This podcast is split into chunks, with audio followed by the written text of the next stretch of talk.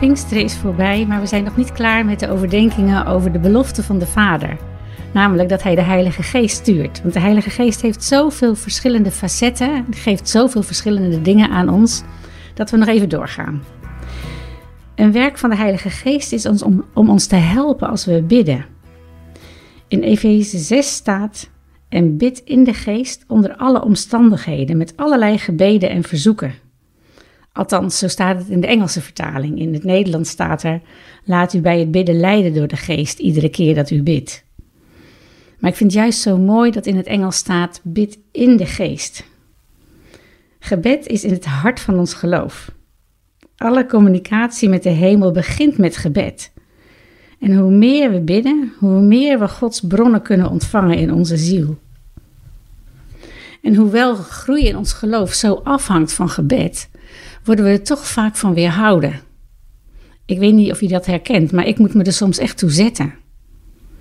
En vaak hebben we weinig zin in wat we het meest nodig hebben. En hoe bemoedigend is het dan om te lezen dat we kunnen bidden in de geest? Wat bedoelt Paulus daarmee? Sommige mensen denken dat je in de geest bidt als je een bepaald niveau van gebed hebt bereikt, bijvoorbeeld intensieve voorbeden, of dat het alleen gaat over spreken in tongen.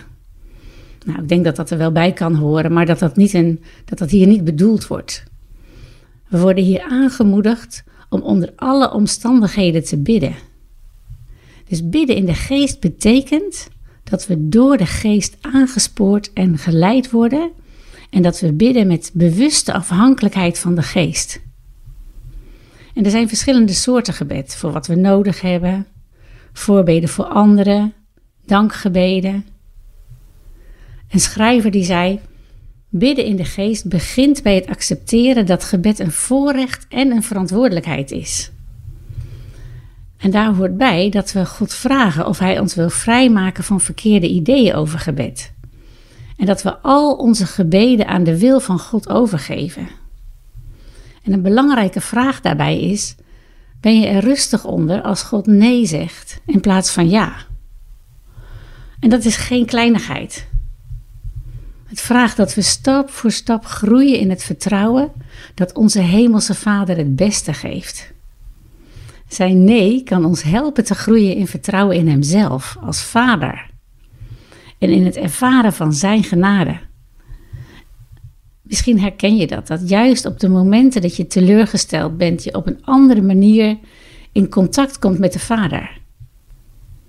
Het geeft geen antwoord, maar op een wonderlijke manier weeft de Hemelse Vader onder en in onze pijn een fundament van Zijn aanwezigheid.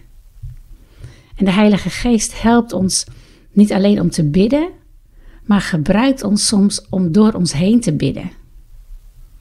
En dat geeft zo'n bijzondere verbondenheid met God, dat je merkt dat je soms aan dingen moet denken waar je zelf niet opgekomen was.